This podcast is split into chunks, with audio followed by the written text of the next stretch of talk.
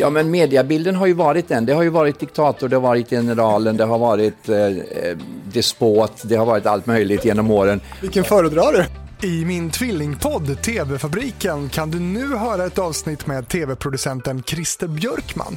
Han är ju också artist och har tävlat i Melodifestivalen tre gånger och innan det haft ett par hits på Svensktoppen.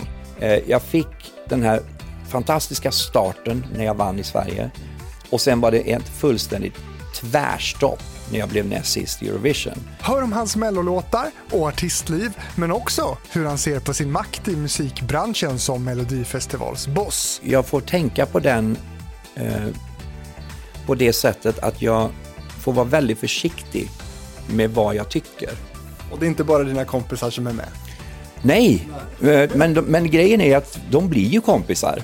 Och varför finns det framgångsrika svenska låtskrivare som aldrig fått vara med i Hela Sveriges musikfest? Ja, vad är svaret på det? Eh, jag vet inte om det finns något bra svar på det. det är, alltså...